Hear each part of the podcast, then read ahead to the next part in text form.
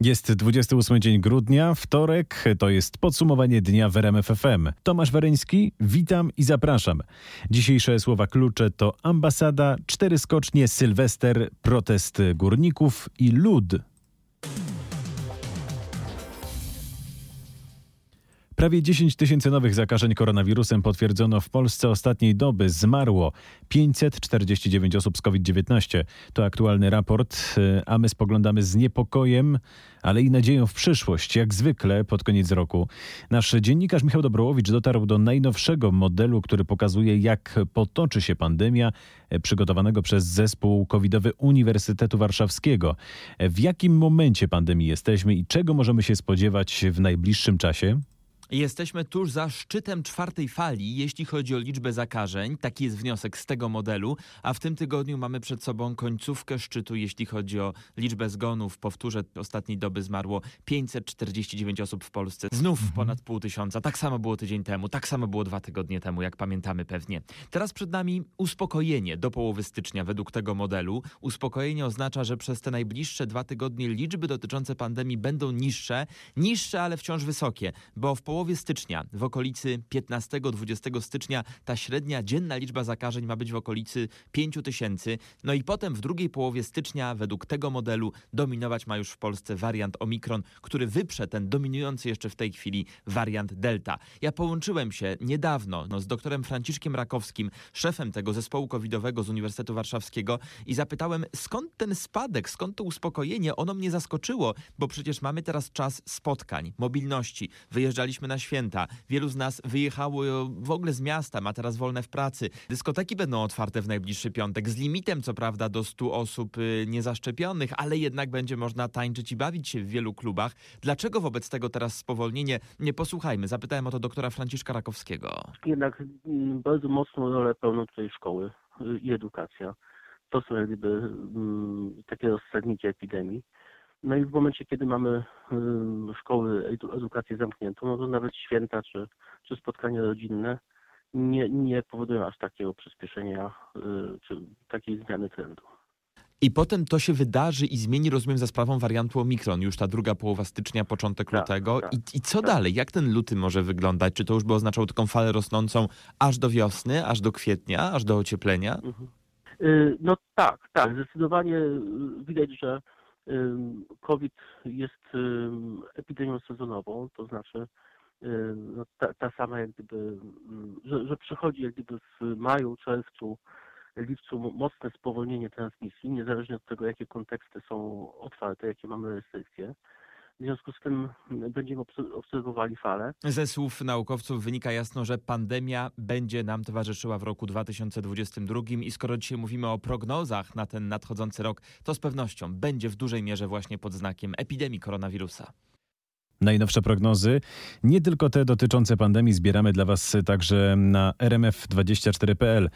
Nie ma planowanych zmian obostrzeń w tym tygodniu, powiedział rzecznik Ministerstwa Zdrowia Wojciech Andrusiewicz. To oznacza, że dotychczasowe regulacje dotyczące Sylwestra są aktualne. Rozbieżności w e, projekcjach na najbliższe dni i tygodnie są bardzo duże.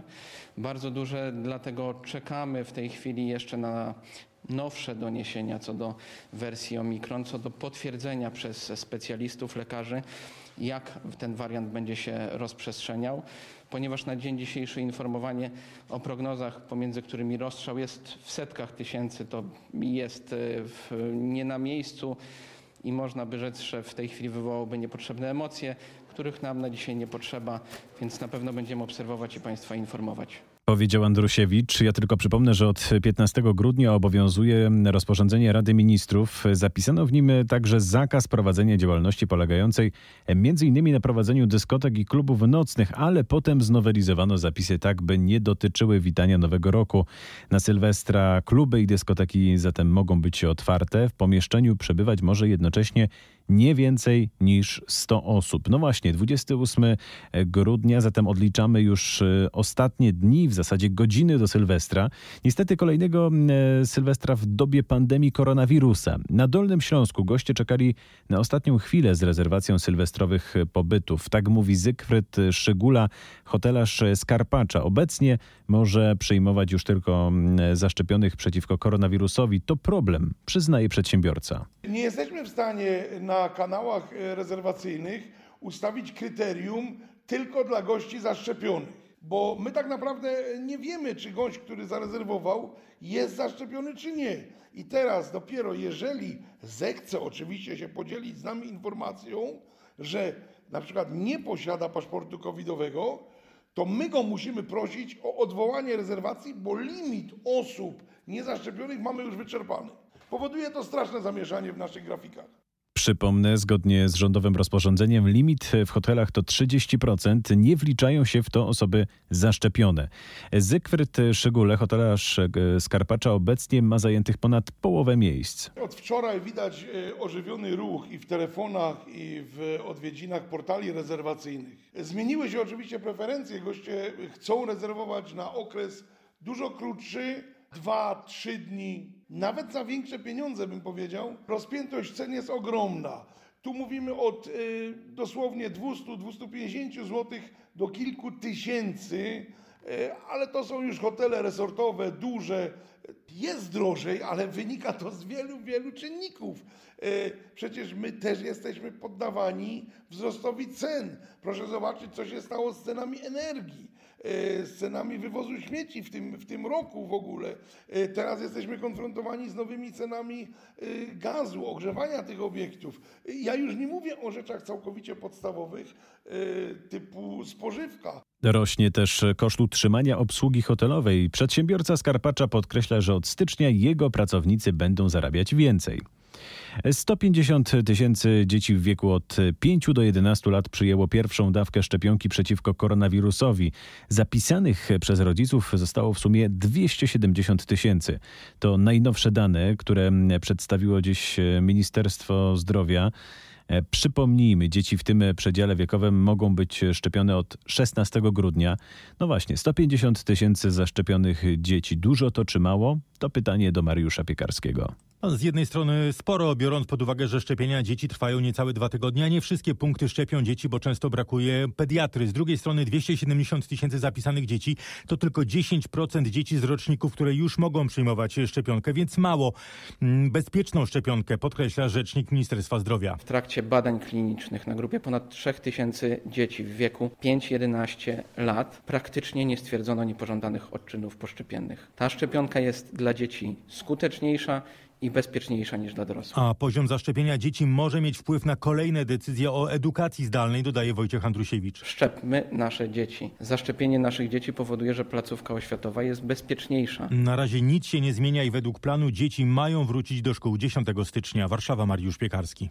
Teraz w podsumowaniu dnia e, zostajemy w temacie koronawirusowym, ale zaglądamy za granicę. 28 grudnia to deadline, do którego niemieckie landy musiały wprowadzić obostrzenia.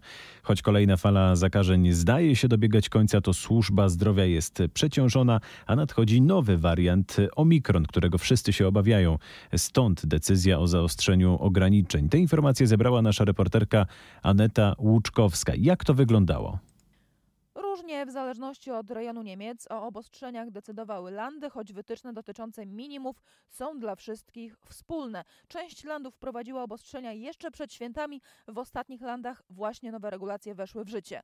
Ten wspólny mianownik to ograniczenie liczby osób biorących udział w spotkaniach, zamknięcie dyskotek czy wprowadzenie zakazu uczestnictwa publiczności w dużych wydarzeniach sportowych. Jeśli chodzi o spotkania, to przepisy wszędzie wyglądają bardzo podobnie. W spotkaniach może wziąć udział maksymalnie do 10 zaszczepionych osób. Do limitu nie są wliczane dzieci. Osoby niezaszczepione mogą zaprosić do domu maksymalnie dwie osoby. Spore różnice są natomiast w liczbie osób biorących udział w różnego rodzaju wydarzeniach czy imprezach. W Hesji limit ustalono na 250 osób, w Hamburgu to 5000 na świeżym powietrzu i o połowę mniej. W hali w Bremie natomiast w imprezach plenerowych udział wziąć może nawet 15 tysięcy osób. Są też różnice dotyczące zamykania obiektów. Na przykład w Berlinie dyskoteki mogą być otwarte pod warunkiem, że goście będą tam tylko jeść, bo tańczenie jest zabronione. Mecklenburgia natomiast zamknęła od tego tygodnia nie tylko bary, ale i teatry, kina, kryte place zabaw, szkoły tańca. Zabroniona jest także organizacja imprez w restauracjach. Badania Wirtembergia z kolei wprowadziła godzinę policyjną w gastronomii. Między 22.30 a 5 rano wszystkie restauracje mają być zamknięte. W Sylwestra godzina policyjna w Stuttgarcie będzie obowiązywać od pierwszej w nocy. Landy wprowadzają też obowiązek używania bardziej zaawansowanych maseczek FFP2, na przykład w komunikacji publicznej. Zwykłe chirurgiczne maseczki już nie wystarczą i tak będzie co najmniej do połowy stycznia. Decyzję, w którą stronę pójdą te obostrzenia, spodziewana jest dopiero po nowym roku. Tak wygląda sytuacja w Niemczech. No to teraz o wariancie Omikron na Wyspach Brytyjskich. Otóż tam właśnie o Omikronie mówi się dużo więcej niż w Polsce. E, Tak mówią nam Polacy, którzy przylatują do Polski z Anglii, by tu spędzić Sylwestra i Nowy Rok. W Polsce te aktualne restrykcje z perspektywy brytyjskiej, jakie się wydają? Łagodne? Na razie są bardzo łagodne, ale z tego, z tego co wiem, jest bardzo mało zachorowań y, na Omnikrona w Polsce. Tutaj w Polsce y, dużo ludzi nosi te maski właśnie na brodzie. Natomiast y, w Anglii tak, ludzie noszą te maski. Osoby zostały poproszone o to, żeby pracować z domu, jeżeli mogą. Ja na przykład przestałem chodzić y, na uczelnię i pracuję z domu od początku grudnia. I wiadomo do kiedy? Na razie nie wiadomo, ale też się mówi, że będą bardziej agresywne te restrykcje. Z pasażerami przylatującymi z Anglii rozmawiał nasz reporter Michał Dobrołowicz. W Polsce do tej pory wykryto 25 zakażeń nową mutacją Omikron. W Wielkiej Brytanii dziennie potwierdza się prawie 100 tysięcy infekcji. 90% z nich to już nowa mutacja Omikron.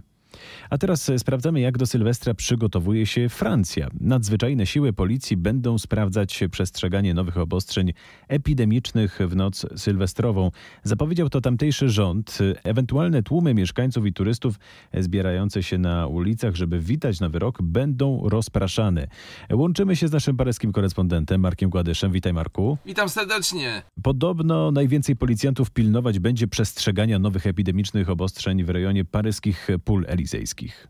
Jak najbardziej przed epidemią, to właśnie bowiem na paryskich polach elizejskich zbierały się tradycyjnie setki tysięcy mieszkańców francuskiej stolicy i turystów, by witać nowy rok, często z butelkami szampana w rękach. To wszystko będzie tym razem zakazane, już zresztą drugi rok z rzędu. Zabronione będzie spożywanie alkoholu na ulicach, no i oczywiście po prostu zbieranie się tłumów na ulicach w celu witania nowego roku. Jeżeli tłumy zaczną się zbierać, to policja będzie je rozpraszać, głównie zresztą używając argumentu finansowego. Załamanie obostrzeń epidemicznych w noc sylwestrową przewidziane są bowiem grzywny w wysokości od 135 euro aż do ponad 5000 euro w szczególnych przypadkach. Marku, o ile sobie dobrze przypominam, miały też zostać zaostrzone we Francji kary za używanie fałszywych certyfikatów covidowych. To prawda? To prawda, kary te zostaną zaostrzone, ale dopiero w połowie stycznia, bo parlament musi uchwalić nową ustawę w tej sprawie. Wtedy tak zwane przepustki covidowe zostaną zastąpione we Francji przepustkami szczepionkowymi. To znaczy, żeby wejść na przykład do baru czy restauracji, nie wystarczy już negatywny rezultat testu wykrywającego COVID-19. Trzeba będzie mieć dowód, że przyjęło się wszystkie zalecane dawki szczepionki przeciwko koronawirusowi. I za posługiwanie się fałszywym certyfikatem grozić będzie wtedy grzywna nie w wysokości 135 euro jak teraz, ale w wysokości 1000 euro. A ludziom, którzy będą handlować fałszywymi przepustkami szczepionkowymi, będą grozić kary do 5 lat więzienia i 75 tysięcy euro grzywny. Z tymi informacjami Marek Gładysz, bardzo dziękujemy. Budynek ambasady Turcji w Warszawie został obrzucony koktajlem Mołotowa. Informacje w tej sprawie ustalał nasz reporter Maciej Sztykiel. Co tam się wydarzyło? No, Na razie stołeczna policja jedynie potwierdza, że po godzinie 14 doszło do incydentu przy ulicy Rakowieckiej, gdzie znajduje się ambasada Turcji. Jedna osoba została zatrzymana, jest obecnie przesłuchiwana. Z naszych nieoficjalnych informacji wynika, że był to 34-letni obywatel Turcji. Miał podpaloną butelką, tak zwanym koktajlem Mołotowa, rzucić w budynek ambasady, co spowodowało okopcenie elewacji. Pożar ugasili pracownicy ambasady, nikomu nic się nie stało. Również nieoficjalnie wiemy, że zatrzymanemu towarzyszyła jeszcze jedna osoba, która się oddaliła. Jest obecnie poszukiwana. Na chodniku policjanci mieli też znaleźć papierową torbę z czterema kolejnymi koktajlami Mołotowa. 68 cudzoziemców próbowało wczoraj nielegalnie przekroczyć polsko-białoruską granicę, poinformowała Straż Graniczna. Około 21 24 osoby z Iraku w rejonie placówki Straży Granicznej w Mielniku, ogrodzenie ustawione na linii granicznej, próbowały sforsować siłą. Takie raporty ze wschodniej granicy stały się już niemal codziennością. Liczby osób forsujących granicę są mniejsze, ale ich aktywność nie słabnie.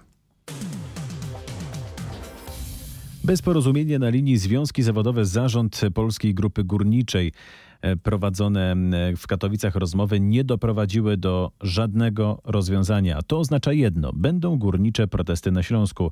Szczegóły ma ustalić w środę Związkowy Sztab Protestacyjny. A co na to odpowiedzialny za górnictwo wiceminister? Sprawdzał Marcin Buczek. Rozmowy mają być kontynuowane, ale dopiero po tym, jak parlament zaakceptuje ustawę mówiącą o wsparciu dla górnictwa, a to ma nastąpić najwcześniej w styczniu, ale według wiceministra Piotra Pyzika to jest w tej chwili kluczowe dla całej branży. To nie jest jakby przerwanie tych rozmów. Strona społeczna jest otwarta na te spotkania, oczywiście ja też. Tylko tak jak powiedziałem, ja chcę tu przekazać konkretem po legislacji ustawy. Jesteśmy zawiedzeni, odpowiadają krótko po dzisiejszych rozmowach związkowcy i przypominają, że wszystko, co związane z umową społeczną dla górnictwa, miało być przygotowane i rozwiązane do końca tego roku. Samolot polskich linii lotniczych LOT został uszkodzony na lotnisku Heathrow w Londynie. Lot do Warszawy został wobec tego odwołany.